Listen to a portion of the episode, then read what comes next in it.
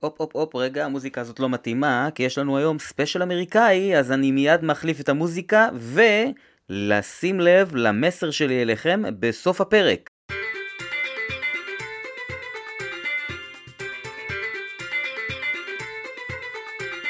שלום לכולם ולכולן, פרק מספר 7 של חוזק חבית, והיום פרק מעט שונה. אה, למעשה, היום הפרק הוא מין אה, פרק ספיישל אמריקאי, שהוא נעשה בשיתוף פעולה עם קבוצת הפייסבוק אוהבי וויסקי, שבמהלך חודש פברואר תעשה שלל פעילויות שחובבי ברבן, ראי ושאר סוגי וויסקי אמריקאי ייהנו מהן. אז הפרק היום יכלול את כל הפינות הרגילות, אבל בניחוח אמריקאי, ואני מזכיר לכולם שגם בגרסה האמריקאית הפודקאסט לא לוקח את עצמו ברצינות יותר מדי. וגם שאני מדבר בלשון זכר רק בגלל שזה נוח לי ולא משום סיבה אחרת. ואני רוצה להקדיש את הפרק הזה לשולף המהיר ביותר במזרח מוזנר, הוא ומערב טרוויץ, והוא האקדוחן הידוע אדם סכנה גולדמן, הברמן היחיד שלא הצלחתי לאלף ונשאר חובב גדול של וויסקי אמריקאי.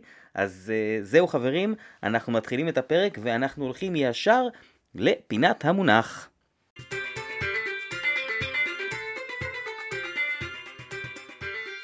היום בפינת המונח אני רוצה לעשות קצת סדר במונחים ובחוקים שקשורים לוויסקי אמריקאי. האמת היא שכדי לעשות את זה בצורה מושלמת אני זקוק לפרק ספיישל שלם של איזה שעה וחצי אם לא שעתיים ותכלס האופי שלו יהיה די טכני ומשעמם. אז מה שהחלטתי לעשות זה לצמצם את זה ולהגיש את זה barrel proof style, כלומר בסגנון של חוזק חבית, רמה שתיתן לכם הבנה וגישה לדברים החשובים באמת, את היכולת לקרוא את התווית של רוב מה שנמצא על המדפים בארץ, וכמובן, מי שרוצה לחפור לו לתוך הפרטים הקטנים, יתכבד נא ויחפש או תחפש את החוקים השונים ברחבי הרשת, הכל זמין וידוע, אני לא ממציא פה שום דבר, אני לא מגלה פה שום דבר, אני רק פה בשביל להגיש ולהנגיש. כמובן, שיש דברים מעניינים כאלה שהם ברמת הפיקנטריה, אני מודה שאני ברמה האישית לא מתלהב מהם, כלומר, זה יכול להיות מעניין, זה לא מה שיגרום לי לשתות משהו שהוא לא טעים לי, ובטח לא מה שיגרום לי לא לשתות משהו שכן טעים לי, אוקיי? אז בואו נעבור קודם כל להגדרה הכללית והראשונית, מה זה בכלל וויסקי אמריקאי? בהגדרה הכללית, וויסקי אמריקאי הוא כמובן וויסקי שמיוצר בארצות הברית, והחוקים או המגבלות עליו הם מאוד מאוד כלליים. הוא צריך להיות מזוקק ל-95% אלכוהול, ביציאה מדוד או לרוב עמוד הזיקוק, ובינינו זה תכלס המקסימום או קרוב למקסימום לזיקוק גם ככה. הוא צריך להיות מבוקבק בלפחות 40% אלכוהול, והוא צריך להתיישן בעץ אלון. כמה זמן הוא צריך להתיישן? באיזה סוג של חביות? האמת היא שאין הגדרה, ובעצם התוצאה של החוק המאוד כללי ומקל הזה היא תוצאה כפולה. מצד אחד, יש כל מיני חוקים נוספים והרבה יותר דקדקניים לסוגים של וויסקי אמריקאי. כלומר, סוגים שאנחנו ניתקל בהם, כמו למשל ברבן או ראי, החוקים שלהם הרבה הרבה הרבה יותר קפדניים. למשל, בקשר לחומר הגלם, בקשר למשך העישון, סוג החבית וכן הלאה, אנחנו נדבר על זה ממש תכף. מצד שני, יש כל מיני מוצרים שעונים על החוקים האלה, והם יכולים להיות מוצרים די פשוטים או נחותים, אבל הם גם יכולים להפתיע. אני סתם נותן לכם דוגמאות, היי-ווסט סילבר וויסקי שמיושן שניות מודדות, אם אני זוכר נכון הקמפיין שלהם זה שהוא מיושן 12 שניות, או מותג שנקרא מייברי וויסקי שמיושן שבועיים, ויש רשימה ארוכה מיני מוצרים שכאלה, אני מניח שחלק מהם משתמשים בהצהרת הגיל הנמוכה ככלי שיווקי. אז אנחנו היום נדבר על ברבן, טנסי וראי וויסקי שהם הסוגים היותר נפוצים של וויסקי אמריקאי בעולם, בעיקר בארץ כמובן, שזה מה שמעניין אותי, מה יש לנו פה בשוק המקומי, ואני מתנצל בפני הקורנהדס וכל מיני חובבי וויסקי אמריקאי יותר נישתי, שאנחנו לא נדבר על הדברים האלה. אז אני הולך להתחיל עם ברבן, ברבן או בורבון, אני לפעמים אומר ככה, לפעמים אומר ככה, אני מתחיל עם ברבן משתי סיבות. הראשונה, שהוא הכי פופולרי. השנייה, שהחוקים שלו חלים בצורות מעט שונות גם על הסוגים האחרים, ויהיה לי יותר קל להסביר אותם אחרי שכולנו נבין מה זה בעצם ברבן. אז ברבן יכול להיות מיוצר בכל רחבי ארצות הברית, למרות שבהחלט קנטקי הידועה ביותר בייצור שלו, אבל יש גם מזקקות ברבן שעושות אחלה וויסקי במדינות אחרות, כמו למשל מיזורי ואינדיאנה.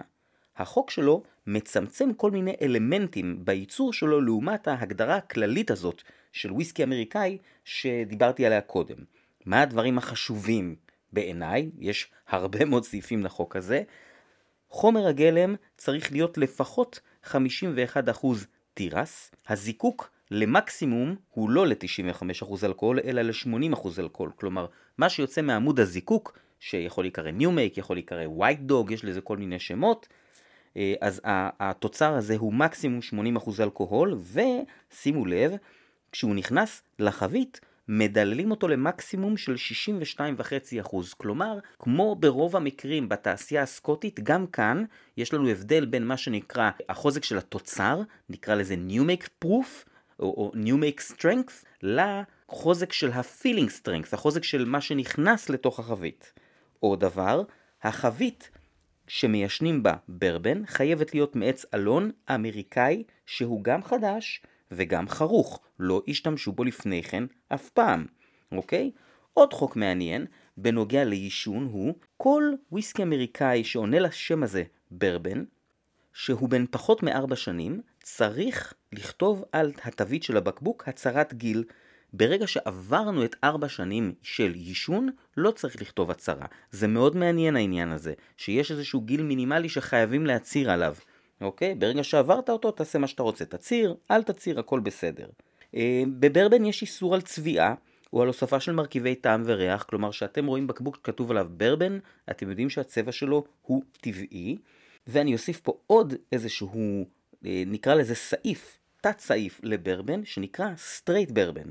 אם ראיתם את הכיתוב straight bourbon, אז יש עליו עוד כמה חוקים, המעניין בהם הוא שמינימום היישון שלו הוא שנתיים, אבל גם כאן פחות מארבע שנים מחייבות הצהרה של גיל. אז לסיכום, ברבן הוא וויסקי אמריקאי שאפשר לייצר בכל רחבי ארצות הברית, הוא מיוצר בעיקר מתירס וחייב להתיישן בחביות מעץ אלון אמריקאי חדש וחרוך. אני עובר לסוג של ברבן שמיוצר רק במדינה אחת שהיא מדינת טנסי ונקרא Tennessee whiskey. למעשה, ההבדל העיקרי בין ברבן לטנסי, מעבר למקום הייצור שלו, הוא שטנסי עובר איזשהו תהליך שנקרא, אה, נקרא לזה, בעברית קוראים לזה אה, תהליך מחוז לינקולן, באנגלית Lincoln County Process. והתהליך הזה בעצם, אני מכיר שתי דרכים שאפשר לעשות אותו, כנראה שיש יותר ואני לא מכיר. למעשה, התהליך הזה הוא סינון של הנוזל לפני שהוא נכנס לחביות, בעזרת פחם מעץ מייפל. כל המזקקות שמייצרות Tennessee whiskey חייבות לעשות את התהליך הזה, למעט מזקקה אחת שאני מכיר שיש לה פטור שנקראת פריצ'ארדס, בנג'מין פריצ'ארדס, אז כל מזקקה אחרת שעושה Tennessee whiskey, כמו למשל הידועות הן ג'ק דניאלס וג'ורג' דיקל, יש עוד, עושות את התהליך הזה. כלומר, לסיכום החלק הזה, Tennessee whiskey הוא ברבן שעובר סינון בפחם מייפל לפני יישונו, ומיוצר רק במדינת טנסי. הסוג השלישי שאני רוצה לדבר עליו הוא וויסקי משיפון, rye whiskey. ולמעשה, ההבדל העיקרי בין rye לברבן הוא חומר הגלם. אם בברבן יש לנו לפחות 51% מחומר הגלם תירס, אז ב rye whiskey לפחות מ-51% מחומר הגלם הוא שיפון. יש עוד כמה הבדלים בחוקים, בעיקר במעבר בין rye ל straight rye, שהוא קצת שונה במעבר בין ברבן ל straight bourbon, מי שרוצה לקרוא על זה כמובן יכול לחפש את החוקים, ואני הולך להרחיב על ההיסטוריה של rye whiskey בפינת ההיסטוריה של הפרק הזה. אז כמו שראיתם, נושא חומר הגלם חשוב מאוד לאמריקאים, ומונח שחשוב להכיר בהקשר הזה הוא משביל. משביל הוא למעשה הרכב הדגנים, כלומר המתכון, מהם עושים את הוויסקי. המשביל הוא מה שאחרי זה יוצס ויזוקק, והמשביל כמובן קשור לאיזה וויסקי עושים, כלומר משביל של ברבן חייב לכלול לפחות 51% תירס, אבל אפשר להבין מהמשביל גם דברים אחרים על האופי של הוויסקי. חובבי ברבן לרוב שואלים כמה ראי יש במשביל של הברבן, כלומר, הם יודעים שלפחות 51% מהמשביל, מחומר הגלם, הוא תירס, אבל מה שמעניין אותם זה לדעת אם יש הרבה ראי או מעט ראי. לרוב מתייחסים למונחים האלה הם rye content ברבן rye content ברבן, כלומר זה ידוע מראש שהשיפון הוא חלק קטן מה, מהבלנד של המשביל הזה, זאת אומרת מה, מחומר הגלם, ועדיין הנוכחות שלו היא חשובה להם. אני מעיד על עצמי שאני מאוד אוהב ראי וויסקי, אבל אם אני שותה ברבן, אני אעדיף לואו ראי קונטנט ברבן, אני אעדיף ברבן שיש בו מעט מאוד שיפון ואפילו בכלל לא. אז לסיכום, משביל, חומר הגלם, או במילים פשוטות, המתכון, מבחינת דגנים כמובן, של הוויסקי. עוד מונח שכדאי להכיר, כי הוא גם מופיע על תוויות, הוא Bonded או Bottled in Bond, וויסקי שזוקק במזקקה אחת, כלומר הוא לא בלנדד, יש כזה דבר, אוקיי? יש בלנדד וויסקי גם בארצות הברית. Bottled in Bond תמיד יהיה ממזקקה אחת, וויסקי שזוקק רק בעונה אחת, כלומר לא יכול להיות תזקיקים מכל מיני עונות, מכל מיני שנים. הוויסקי הזה תמיד יהיה מיושן 4 שנים לפחות, ותמיד יבוקבק ב-100 פרוף, כלומר 50% אלכוהול.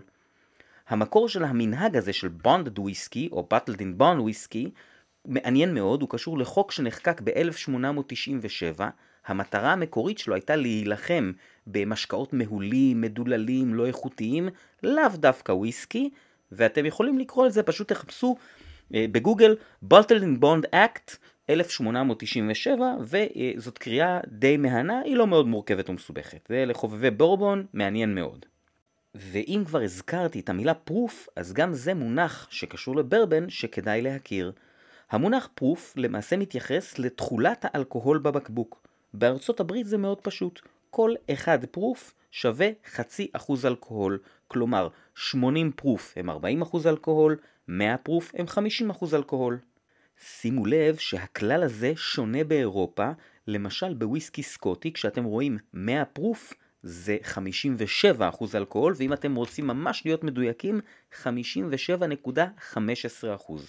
בכל אופן, גם המקור של הביטוי פרוף בהקשר האלכוהולי הוא מעניין, מקורותיו עוד במאה ה-16 או ה-17, וזה גם כן משהו ששווה קריאה. כדי לסיים את פינת המונח, אני רוצה להוסיף עוד משהו אחד, שהוא, אני לא רוצה לקרוא לזה אזהרה, אלא אני יותר מיידע אתכם ואתכן. אם כתוב לכם שם של מדינה על הבקבוק, קחו בחשבון שיש לזה כל מיני חוקים בכל סוג של וויסקי, והחוקים משתנים ממדינה למדינה. אני סתם נותן לכם דוגמה, אם כתוב על בקבוק של וויסקי אמריקאי קנטקי, זה אומר שהוא יושן לפחות שנה בקנטקי. יכול להיות שהוא יוצר בכלל במזקקה במדינה אחרת, אוקיי? אז הנושא הזה של מדינה, אם זה באמת חשוב לכם, אז גם עליו יש קריאה. אני מודה שהיא קצת משעממת ואני בכוונה לא נכנס לנושא הזה כי זה לא מאוד משנה, לפחות בעיניי כמובן.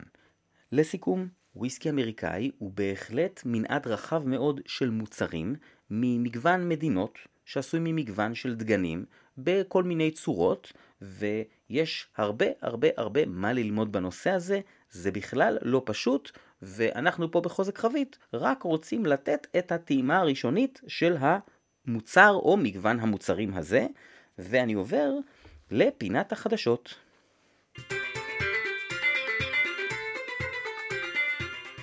היום פינת החדשות, בגלל שהיא מוקדשת לוויסקי אמריקאי באשר הוא, אני הולך לעשות אותה בצורה מעט שונה, והיא תהיה מין בלנד כזה של כותרות שונות מההיסטוריה של מזקקות שאנחנו יכולים למצוא את התוצרים שלהן בארץ.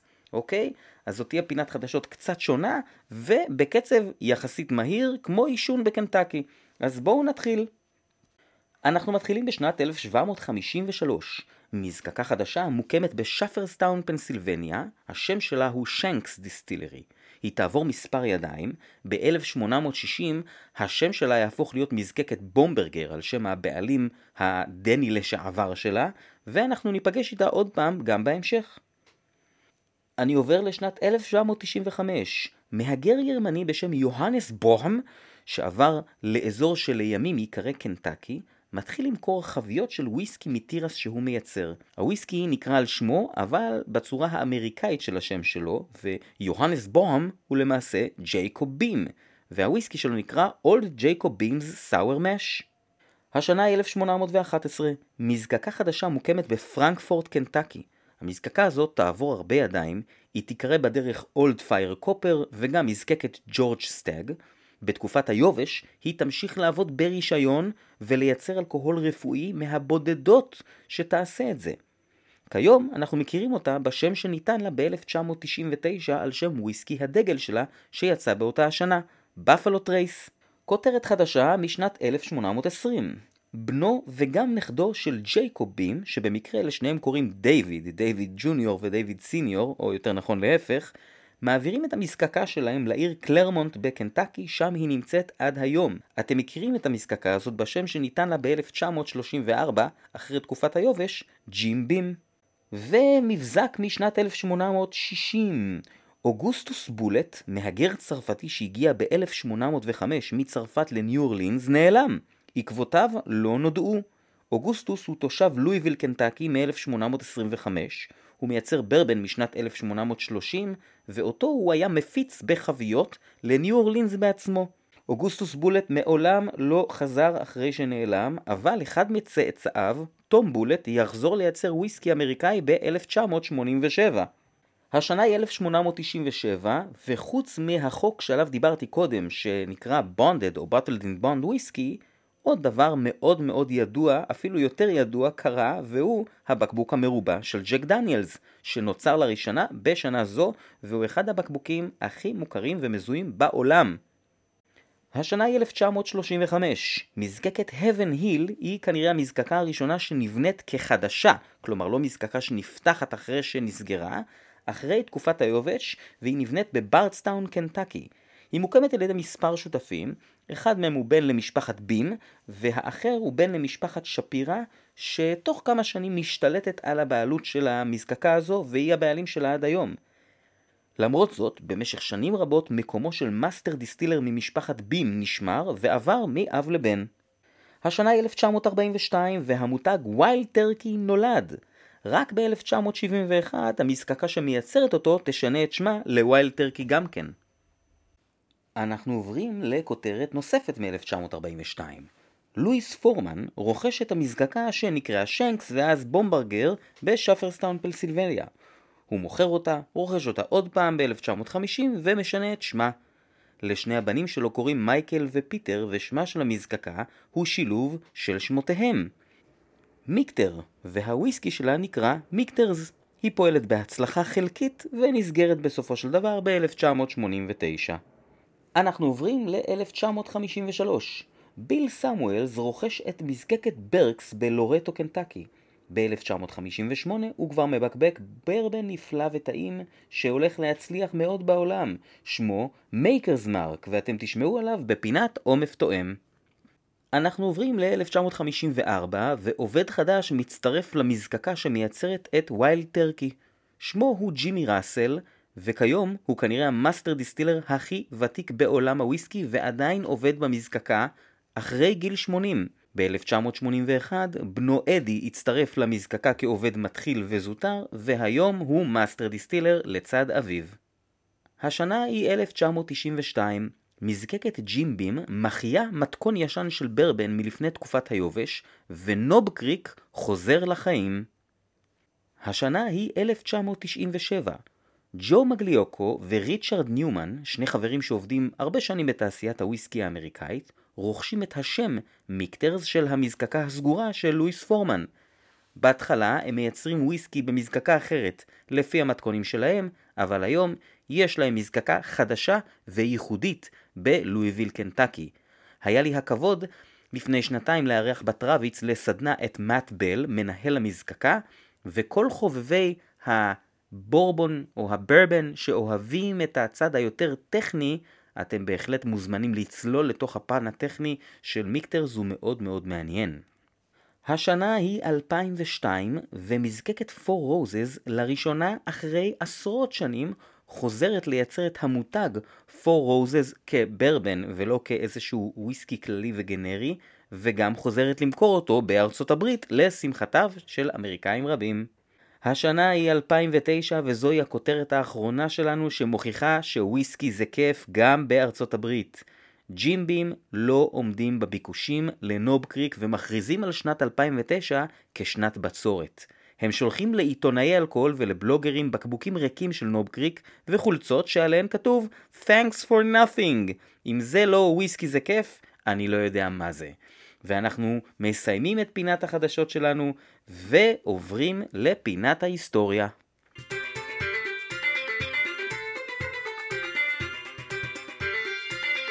אז כמו שאמרתי, היום בפינת ההיסטוריה אני לא מתמקד במזקקה או במותג, אלא אני רוצה לספר על משקה אמריקאי שזוכה להתעוררות בשנים האחרונות, אני חושב שהוגן לומר משהו כמו 10, אולי 15 שנים ככה, ושתרבות הקוקטיילים הפורחת בעולם עזרה לתחייה שלו, ועדיין עד היום הוא נחשב על ידי שתייני וויסקי מסוימים כסוג ב', ועל ידי אחרים כוויסקי של פלצנים, מה שכמובן לא זה נכון ולא זה נכון. ראי וויסקי, כמו כל סוג של וויסקי, יכול להיות טעים, הוא יכול להיות לא טעים, אתם יכולים לאהוב אותו באופן כללי או לא, וגם יש מוצרים מסוגים ומרמות שונים. מה שבטוח שככל שעובר הזמן, בעיקר בשנים האחרונות, יש יותר ויותר מותגים ומזקקות של ראי וויסקי. אז היום אני רוצה לספר קצת על המקורות שלו, ואולי אני אגרום למישהו או למישהי לתת צ'אנס לראי, לכן אפשר לומר שהיום פינת ההיסטוריה מקבלת את השם ביטאון השיפון. ראי וויסקי, וויסקי משיפון, החל להיות מיוצר כבר בתחילת המאה ה-18, בעיקר באזור פנסילבניה בארצות הברית, שזה צפון מזרח ארצות הברית. מי שייצר אותו היו מהגרים שהגיעו ממדינות שיש בהן מסורת זיקוק אלכוהול, כמו למשל סקוטלנד, גרמניה ודנמרק, וכנראה שרובם היו חקלאים שהשתמשו בחלק מהתוצרת שלהם, מה שנקרא farm distilleries, שזה מה שאנחנו מכירים מהרבה מדינות, ולאו דווקא בקשר לוויסקי. הייצור של ראי וויסקי הלך וגבר לאורך המאה ה-18, ולקראת סופה הוא כבר היה נפוץ בחלק הצפון-מזרחי של החוף המזרחי אה, של מה שהוא היום ארצות הברית, ודרך אגב, גם ג'ורג' וושינגטון היה יצרן ראי וויסקי ידוע. אחרי מלחמת העצמאות האמריקאית, שנגמרה ב-1783, המדינה הצעירה הזאת הייתה בחובות גדולים. כמה גדולים? מדובר כנראה על סך של כמה עשרות מיליוני דולרים שבכסף של סוף המאה ה-18 זה סכום עתק. לכן, ב-1791 הוטל מס על וויסקי במטרה לסייע במילוי קופת המדינה. המס הזה כמובן נתקל בהתנגדות על ידי החקלאים והמזקקים, שהובילה בסופו של דבר למרד על ידי החקלאים במערב פנסילבניה. המרד הזה נגמר ב-1794, זאת קריאה די מעניינת, אני לא אכנס פה לפרטים, אני אספר לכם שבסוף המרד הזה גם לא עזר, והוא גם לא באמת הפך לאיזשהו עימות רציני, למרות שיש שם כל מיני אה, אה, מאבקים וכוחות מיליציה אלה ואחרים, בסופו של דבר היו שם מעט נפגעים, מעט עצורים, וכנראה די הרבה דוחות. מה שכן קרה, זה שהוא יצר תנועה גדולה של מזקקים וחקלאים וחוואים שעזבו את האזור הזה ונעו מערבה וקצת דרומה למה שהיום הן קנטקי, טנסי, מיזורי ומדינות נוספות שבהן הגידול העיקרי הוא דווקא תירס. אפשר לומר שכך הברבן נולד. זאת אומרת זו דוגמה נהדרת לאיך האקלים קובע את המוצר. הרי חקלאים מייצרים אלכוהול ממה שגדל באזור, ממה שיש להם. אז באקלים היותר צפוני וקר גדל ראי, ובאקלים הקצת יותר חמים ודרומי הרבה יותר קל לגדל תירס, וזה הפך להיות חומר הגלם של הוויסקי האזורי. בכל אופן, כמובן שייצור ראי המשיך בפנסילבניה וגם במדינות נוספות באזור כמו וירג'יניה ומרילנד, והוא המשיך להיות פופולרי מאוד, אבל מהמכה הרצינית הבאה שניחתה עליו, הוא כבר לא התאושש. בינואר 1920 התחילה תקופת היובש בארצות הברית. באופן טבעי רוב המזקקות בתקופה הזאת נסגרו, מעט מאוד מהן המשיכו לעבוד אה, בשביל לייצר אלכוהול רפואי, לא בשביל לייצר וויסקי, ורובן המכריע מעולם לא נפתח מחדש. חלק קטן נפתחו מחדש, הרוב לא התאוששו אחרי תקופת היובש, גם צריך לזכור שמדובר במזקקות יחסית קטנות, כמו שאמרתי קודם, פארם דיסטילריס שכאלה. אני קופץ עכשיו לאחרי תקופת היובש, ואני רוצה להדגיש, תקופת היובש מ-1920 עד 1933 היא תקופה מרתקת, אני עשיתי עליה קורס באוניברסיטה, והיא ראויה לא לפינת היסטוריה, היא ראויה לפרק ספיישל שלם, ואולי אני גם אעשה אותו. לצורך הריי וויסקי וההיסטוריה שלו, אני כרגע נכנס לעניין הזה, למרות שיש הרבה לאן. אז בעצם אחר תקופת היובש, שהסתיימה כאמור ב-1933, למזקקות האמריקאיות לקח רגע להתאושש, שאם תחשבו על זה זה דבר מאוד הגיוני. לוקח רגע עד שמקימים או פותחים מחדש, וכמובן מזמינים ובונים את הציוד, ומכינים וויסקי וכמובן שגם צריך ליישן אותו. אז בעצם נוצר פה מצב שמותר לצרוך וויסקי ב-1930 ונגיד 4, אבל אין תוצרת מקומית. ולוואקום הזה בעצם נכנסו הוויסקי האירי והוויסקי הסקוטי. התהליך הזה קיבל עוד איזושהי דחיפה במלחמת העולם השנייה, שגם היא פגעה בייצור המקומי של וויסקי, אבל דחפה את הוויסקי הסקוטי, דרך אגב, אז היא גם פגעה בוויסקי האירי באיזושהי צורה.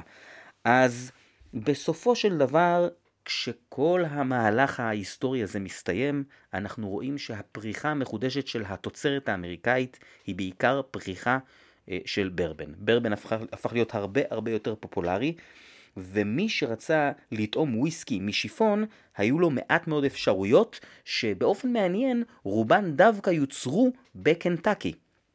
האפשרויות הספורות שאני מכיר שעדיין היו אה, הן Jim Beam Rye, Wild Turkey 101 בגרסת rye, או rye whiskey בשם Rittenhouse של מזקקת Heaven Hill. כמובן שהייתה עוד אפשרות והיא הייתה וויסקי קנדי, שתקופת היובש בארצות הברית הפכה אותו, כמו דרך אגב גם טקילה, למוצר מאוד מבוקש. כיום יש מספר הולך וגובר של מזקקות שמייצרות ראי וויסקי, לפעמים בשם שלהן ולפעמים כמותג שמיוצר במזקקה שלהן. אני רוצה לציין את אלו שאפשר לרכוש בארץ בקלות יחסית ואפשר למצוא בהרבה חנויות. קודם כל, סאזרק ראי, העמוס מאוד והנהדר. מצד שני לו, מיקטרס ראי, שהוא כנראה הראי וויסקי הכי עדין שאפשר לקנות בארץ.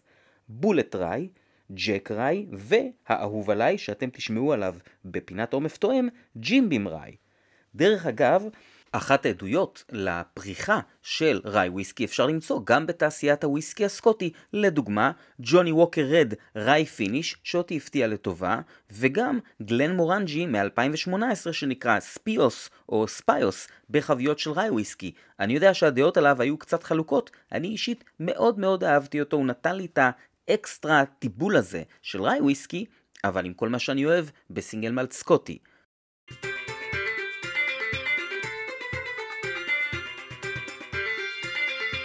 היום בפינת עומף תואם אני נותן לכם רשמי טעימה שלי לשני המוצרים שאני ממליץ עליהם באופן קבוע ללקוחות שלי בברים כבר כמה שנים טובות כשהם רוצים וויסקי אמריקאי. רוב האנשים מכירים את מה שאני מכנה הרביעייה הקלאסית, כמובן אני מתייחס לשוק הישראלי, והרביעייה הקלאסית בשוק הישראלי עם ארבעה שמות, ג'ים בים, ויילד טרקי, פור רוזס וג'ק דניאלס, ורוב האנשים אפילו לא יודעים שיש להם כל מיני סוגים או וריאנטים. כלומר, ג'ים בים הוא שם של מזקקה, ויש לה כל מיני סוגים, כנ"ל ג'ק דניאלס, אבל אנשים פשוט אומרים את השם הבסיסי. אז אני משתדל לעניין אנשים בשניים האלה, וגם כשמבקשים ממני להכין אולד פשן, בשנתיים האחרונות זה בעיקר קורה בטראפיץ, אני לרוב מנסה לקחת אנשים לכיוון של Jim Beam Rye, ואם אני לא מצליח, והם לא רוצים ללכת איתי לעולם השיפון, אלא להישאר בעולם התירס, אני משתדל לקחת אותם לכיוון ה Maker's Mark. אז נתחיל עם כמה מילים על Maker's Mark. כפי שאמרתי בפינת החדשות, הוא מיוצר מאז 1958, המזקקה קראו לה אז אה, מזקקת ברקס, היום כבר קוראים לה Maker's Mark, ומה שמיוחד ב Maker's Mark, שהמתכון שלו, כלומר אני מזכיר לכם את פינת המונח ה mash bill, לא כולל שיפון בכלל, כנראה שזו הסיבה שאני אוהב אותו. ה mash bill של Maker's Mark מורכב מ-70% תירס, 16% חיטת חורף אדומה ו-14% שעורה. איך הגיעו למתכון הזה? אז מספרים, כמובן שאני לא הייתי שם, כן, אני אומר לכם מה הסיפור. מספרים שביל סמואלס אה, היה בן אדם די חסר סבלנות. דרך אגב, יש לו ציטוט שאני מאוד אוהב, ואני גם חושב שהוא בהחלט מספר את סיפור הוויסקי שלו, Give me a bourbon that won't burn my ears. אומרים שזאת אמירה שמזוהה עם ביל סמואלס. אז הוא היה בן אדם שלא היה לו כוח לחכות ולא היה לו סבלנות עכשיו לייצר ברבן מכמה מאש בילס וליישן אותם ולראות מה עובד טוב אחרי שנתיים ומה עובד טוב אחרי ארבע שנים. אז מה הוא עשה? הוא אפה לחם. הוא בעצם הכין לחם מכמה מתכונים של תערובות קמחים, והלחם שהיה לו הכי טעים, הפך להיות המתכון של הוויסקי שהוא עשה. ראוי מאוד לאזכר את מגי, אשתו של ביל סמואלס, שהיא אחראית על הצורה של הבקבוק של Maker's Mark, היא עיצבה את התוויות, והיא אחראית על הסגירה המוכרת שלו עם השעווה האדומה, ובגדול במזקקה שם אומרים שאת הבקבוק הראשון של Maker's Mark אנשים קנו בזכות מגי, את הבקבוק השני והלאה הם קנו בזכות ביל. ב-1975 ניהול המזקקה עבר לבן שלהם, ביל ג'וניור, וב-2011 לבן שלו, רוב סמואלס. אז Maker's Mark הוא Kentucky straight bourbon, בן כשש שנים, 45% אלכוהול, מחיר ממוצע בחנות בערך 140 שקלים.